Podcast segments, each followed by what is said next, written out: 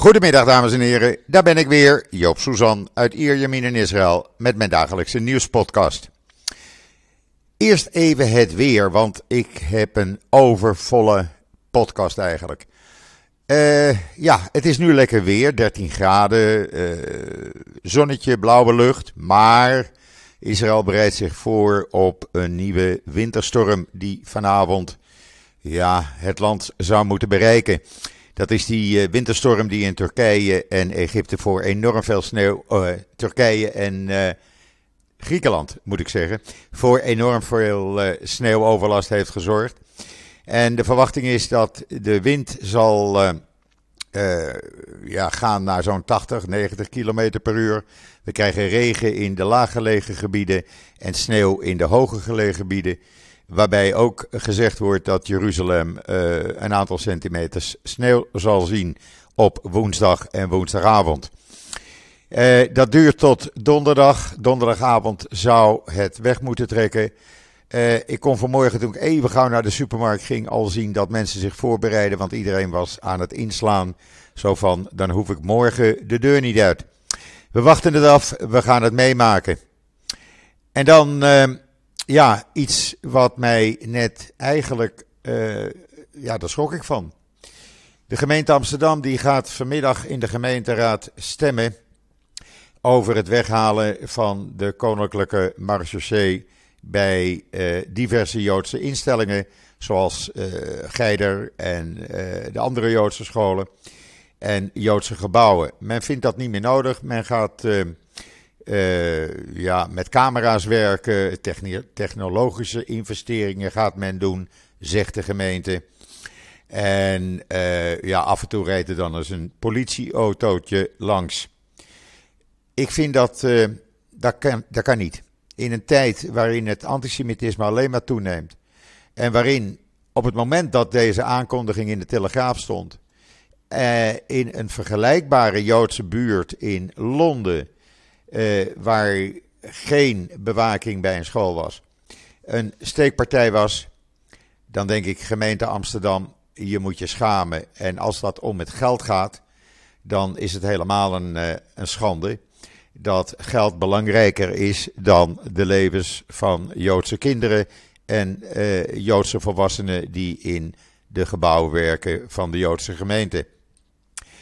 Uh, er wordt vanmiddag dus over gestemd. Ik heb al gezien dat Annabel Nanninga van de groep Ja 21 daar vragen over gaat stellen. Annabel is het daar absoluut niet mee eens.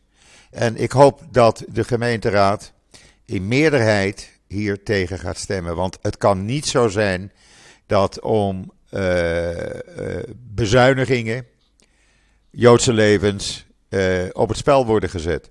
Want je kan gewoon wachten op de volgende terreuraanslag. Absoluut. En uh, ja, ik denk niet dat dat het waard is. Ik vind het een schandaal van de gemeente Amsterdam. De stad waar voor de oorlog ruim 10% van de bevolking Joods was.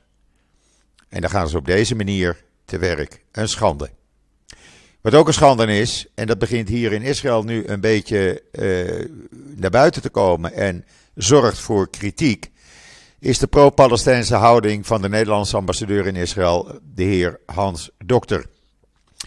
Die heeft op uh, eh, 17 januari, naar aanleiding van die dreigende uitzetting toen, inmiddels is die uitzetting geweest, van een Palestijnse familie, die tot aan het hoogste gerechtshof uh, heeft uh, geprobeerd hun gelijk te halen, maar niet konden aantonen dat ze eigenaar waren van dat bewuste pand heeft de Nederlandse ambassadeur op 17 januari een tweet neergezet in het Engels: Ongoing attempt to evict a Palestinian family from their East Jerusalem home is contrary to international law and risk further escalation. Calls on the Israeli authorities to stop the eviction immediately. Nou, ten eerste is het zo dat je als ambassadeur je niet gaat mengen in binnenlandse aangelegenheden dat is gewoon zo, dat gebeurt niet. Ten tweede is het zo dat de heer Hans Dokter niet op de hoogte was van de juiste feiten, blijkbaar. Want Brigitte Wielhuizen, een uh, politiek adviseur voor strategisch en crisismanagement Counterterrorisme en Technology, die heeft vanmorgen op Twitter een uh, papier gezet. Waar, uh, ja, dat is uit 1954. U kunt het zien op israelnieuws.nl, daar heb ik het ook uitvergroot. Dat is een, een papier van de Jordaanse autoriteiten die toen der tijd Oost-Jeruzalem bezet hadden. In 1948 hebben ze dat gedaan. En daar staat over dit bewuste pand, een papier uit 1954, formerly Jewish property, voormalig Joods eigendom. Nou, dat zegt dus alles.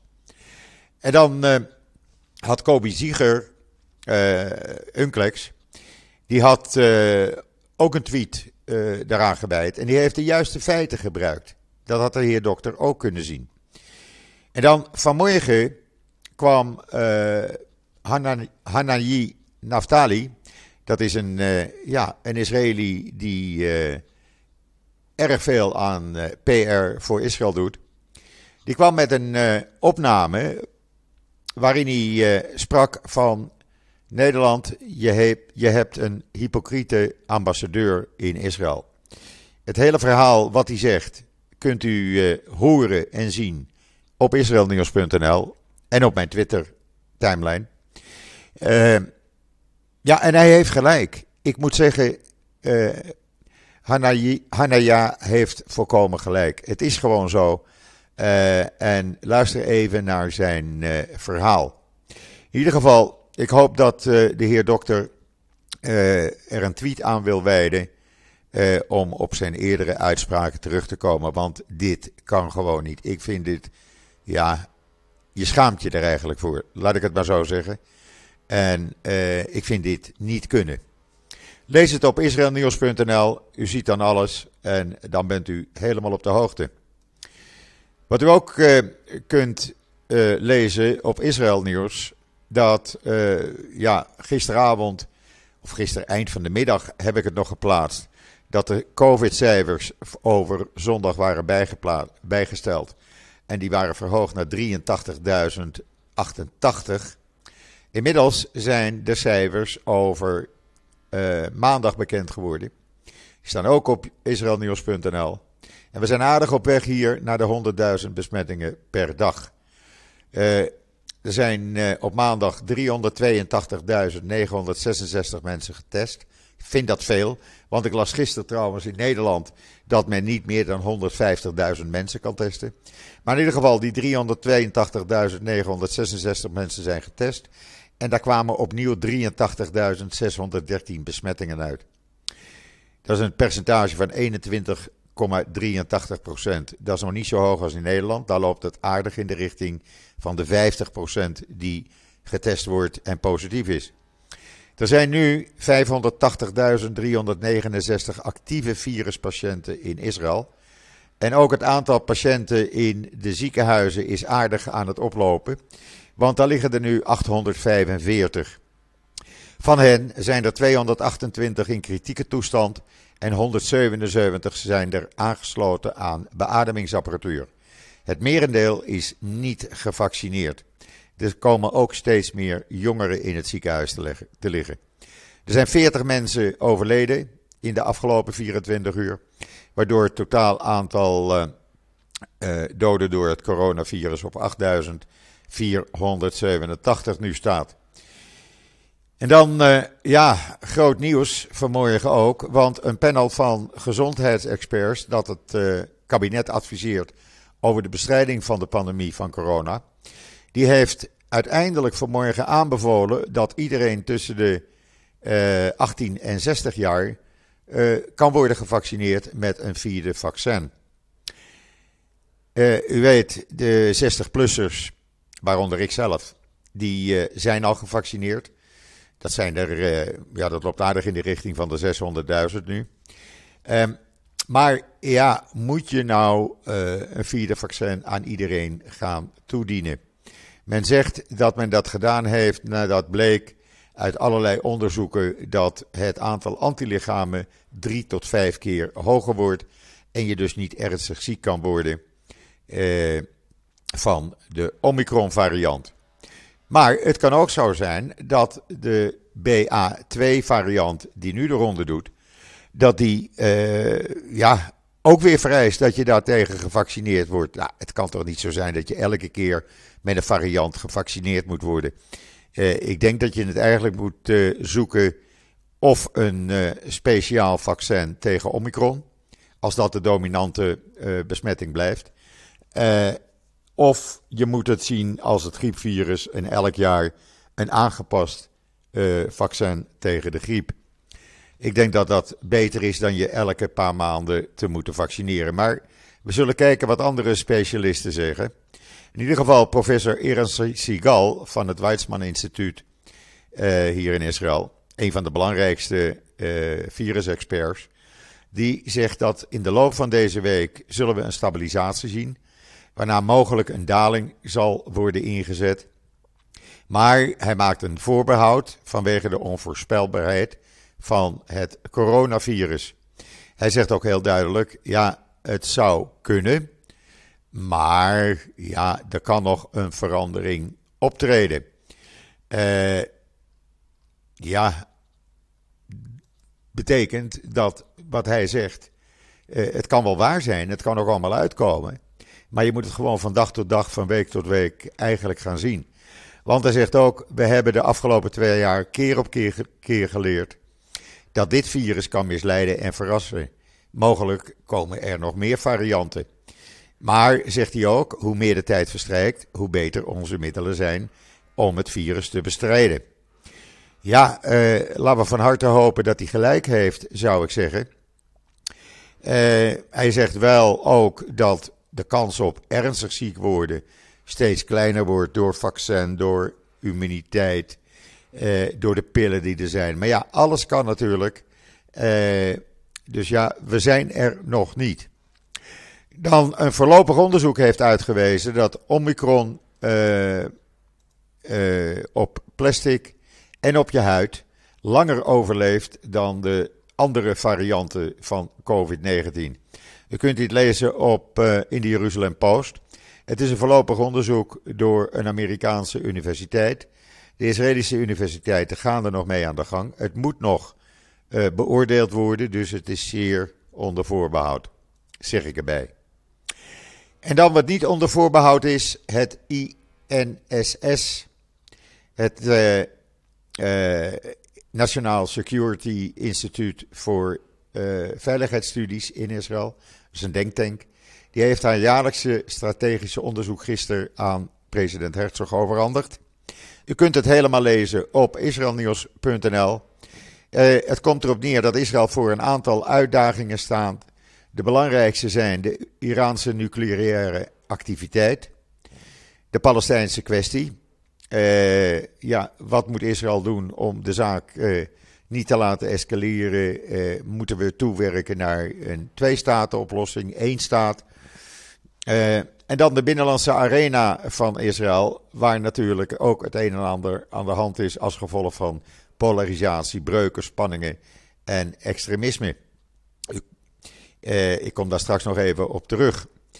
Maar ja, het is een heel lang rapport en uh, de tien uh, uitdagingen waar Israël voor staat en waar het INSS aanbevelingen voldoet, voordoet, die kunt u lezen in dit uh, lange artikel op israelnieuws.nl.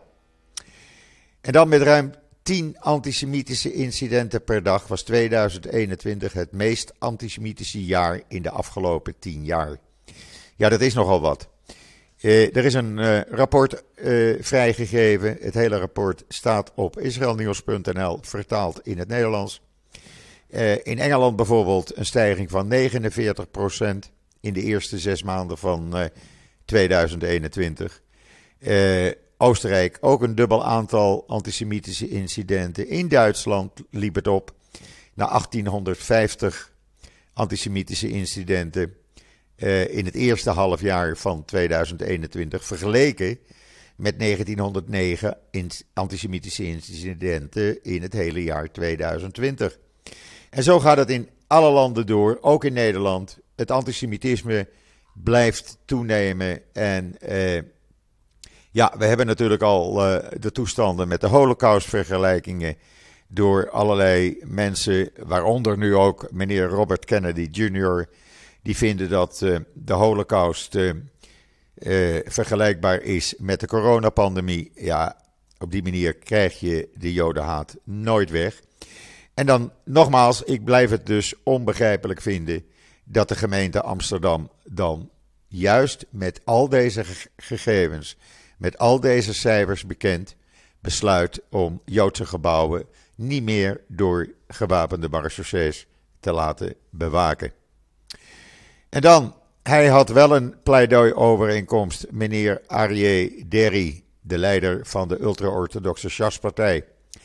U weet, hij heeft een jaar of tien geleden al een uh, ruim een jaar gevangenisstraf uitgezeten wegens uh, belastingfraude, omkoping, etc. Hij heeft hetzelfde weer geflikt. Hij heeft nu een uh, pleidooi-overeenkomst met justitie gemaakt. Hij hoeft niet de gevangenis in, moet wel de Knesset verlaten tot de volgende verkiezingen.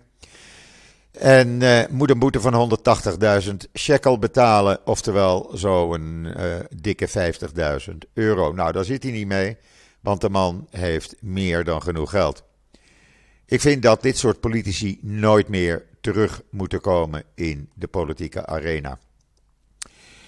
En uh, ja, Netanyahu en zijn pleidooi-overeenkomst. Nou, ik denk niet dat hij er gaat komen.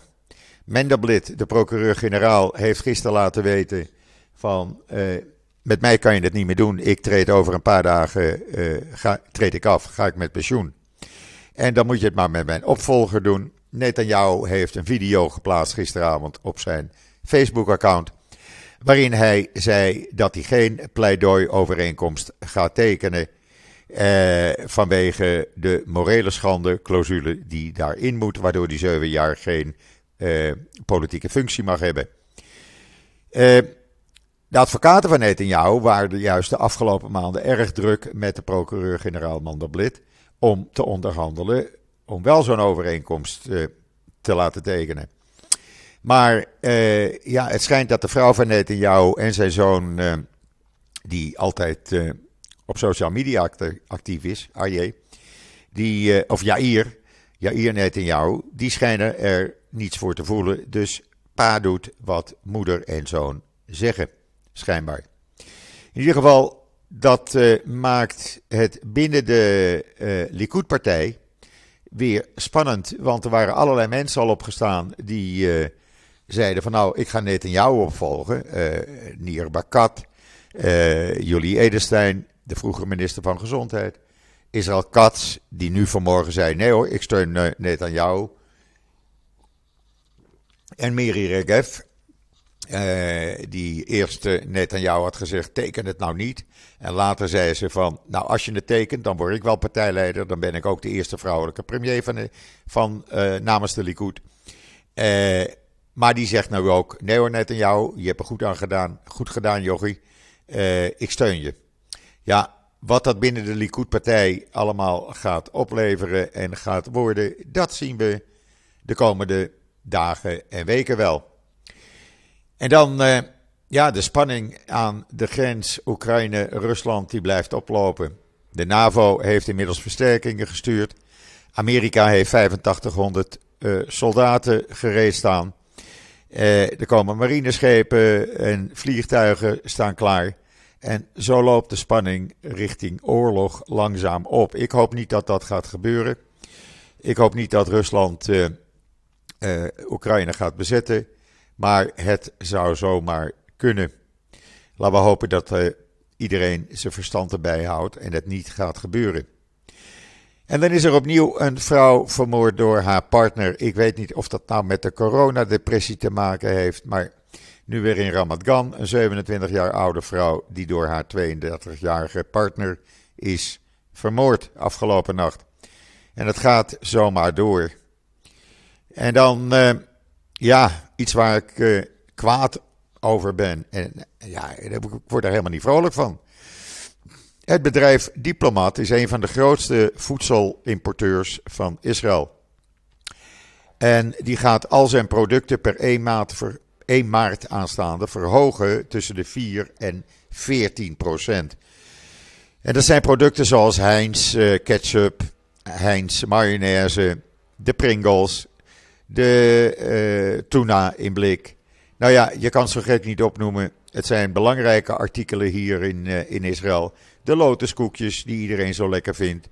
Uh, van alles en nog wat. En ja, supermarkten zijn ook lekker bezig. Dus het wordt er allemaal niet goedkoper op in Israël. En ja, ze maken winsten als water. En ja, ondertussen het publiek betaalt. En dat kan gewoon niet. Ik vind dat dat eens een keer moet stoppen. Maar misschien, misschien staat er iemand op die net zoals in 2011 zegt, nou is het genoeg. En we gaan weer een grote demonstratie organiseren waar in 2011 uh, we met uh, ruim een half miljoen mensen de straat op gingen. En dat werkte. En dan uh, China is het land waar de meeste spullen in Israël vandaan komen. Israël heeft voor 10,7 miljard dollar geïmporteerd uit China. Uh, dat is met maar liefst 3 miljard in een jaar gestegen. Uh, terwijl uit Amerika voor 8,2 miljard werd geïmporteerd. Ik weet niet of we daar nou zo blij moeten zijn met al die Chinese spullen.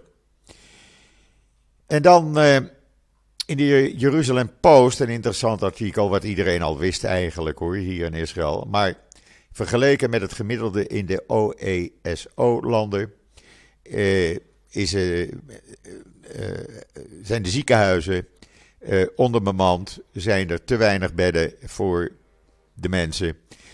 waarin de, de OES, OESO 4,4 bedden per duizend mensen beschikbaar zijn, is dat in Israël zijn dat drie ziekenhuisbedden. ja, en ook het personeelsbestand is gemiddeld veel lager dan in de OESO-landen. En ja, daar moet toch echt wat aan gedaan worden. Het aantal artsen bijvoorbeeld in Israël is 3,29 per duizend mensen. In de OESO is dat 3,69. Uh, dus daar uh, ligt nog veel werk te doen. En dan Gaza heeft er een toeristische attractie bij. Ja, je gelooft het niet. Als je als toerist naar Gaza wil, als dat al kan, dan kan je een Byzantijnse kerk uit de vijfde eeuw uh, bezoeken, althans wat daarvan over is. Maar men heeft uh, het mozaïekwerk gerestaureerd. En dat is dan te bezichtigen, die kerkvloer met zeldzame mozaïeken. Waaronder afbeeldingen van dieren, jachttaferelen en palmbomen. Hamas is er nogal trots op. En dan donderdag is er iets heel bijzonders in Berlijn. Want de voorzitter van de Knesset, het Israëlische parlement, gaat in het Hebreeuws de Bundestag uh, toespreken. Ter gelegenheid van Holocaust Remembrance Day, wat aanstaande donderdag is. En dat is heel bijzonder dat hij het in het Hebreeuws gaat doen. Uh, de voorzitter van het parlement van de enige Joodse staat in de Duitse Bondsdag, 80 jaar na dato, die dan uh, in het Hebreeuws zijn toespraak gaat houden. Ik vind dat bijzonder. Hou dat in de gaten. Ondertussen krijgt eh, meneer Robert eh, Kennedy Jr. van alle kanten eh, links en rechts om de oren vanwege zijn vergelijkingen eh, met de Holocaust en het coronapandemie. Uh, Yad Vashem, de Anti-Defamation League in Amerika, uh, het Holocaust Museum in Amerika. Ze hebben allemaal grote kritiek op hem. En vinden dat hij maar eens een keer Auschwitz, moet gaan bezoeken. Om onder ogen te zien wat daar echt gebeurd is. En dat dat niet te vergelijken valt met de huidige coronapandemie. En dan gisteravond iets waar ik me voor schaam. Zogenaamd zich settler noemende rechtse extremisten reden in konvooi door het Palestijnse stadje Hawara op de Westbank. Of Huwara, kan je het ook uitspreken. Ligt vlakbij Nablus. Uh, vernielde winkels en auto's gooiden de ruiten in van winkels. Uh, drie Palestijnen gewond. En terecht zegt minister Benny Gans van Defensie: dat gaan we aanpakken. Dit zijn terroristen. En dit kan niet meer. Ik hoop dat premier Bennett daar ook naar luistert. En dat hij zich nu ook eens een keer harder gaat opstellen. Maar ik weet, het behoort min of meer tot zijn achterban. Niet allemaal. Maar hij moet het toch van rechts hebben. Maar we zullen zien wat dat gaat opleveren. Ja, het is wat langer mijn podcast, maar ik had ook veel nieuws aan, uh, aan u te melden. Kijk het allemaal na op israelnieuws.nl, op mijn Twitter en Facebook. Dan bent u weer helemaal op de hoogte. Hou de Amsterdamse gemeenteraad in de gaten. En hou de Nederlandse ambassadeur in de gaten. Want nogmaals, dat zijn zaken die niet kunnen.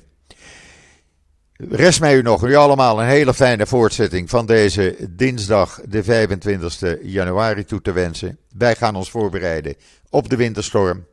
Ik ben er morgen weer en zeg zoals altijd: tot ziens, tot morgen.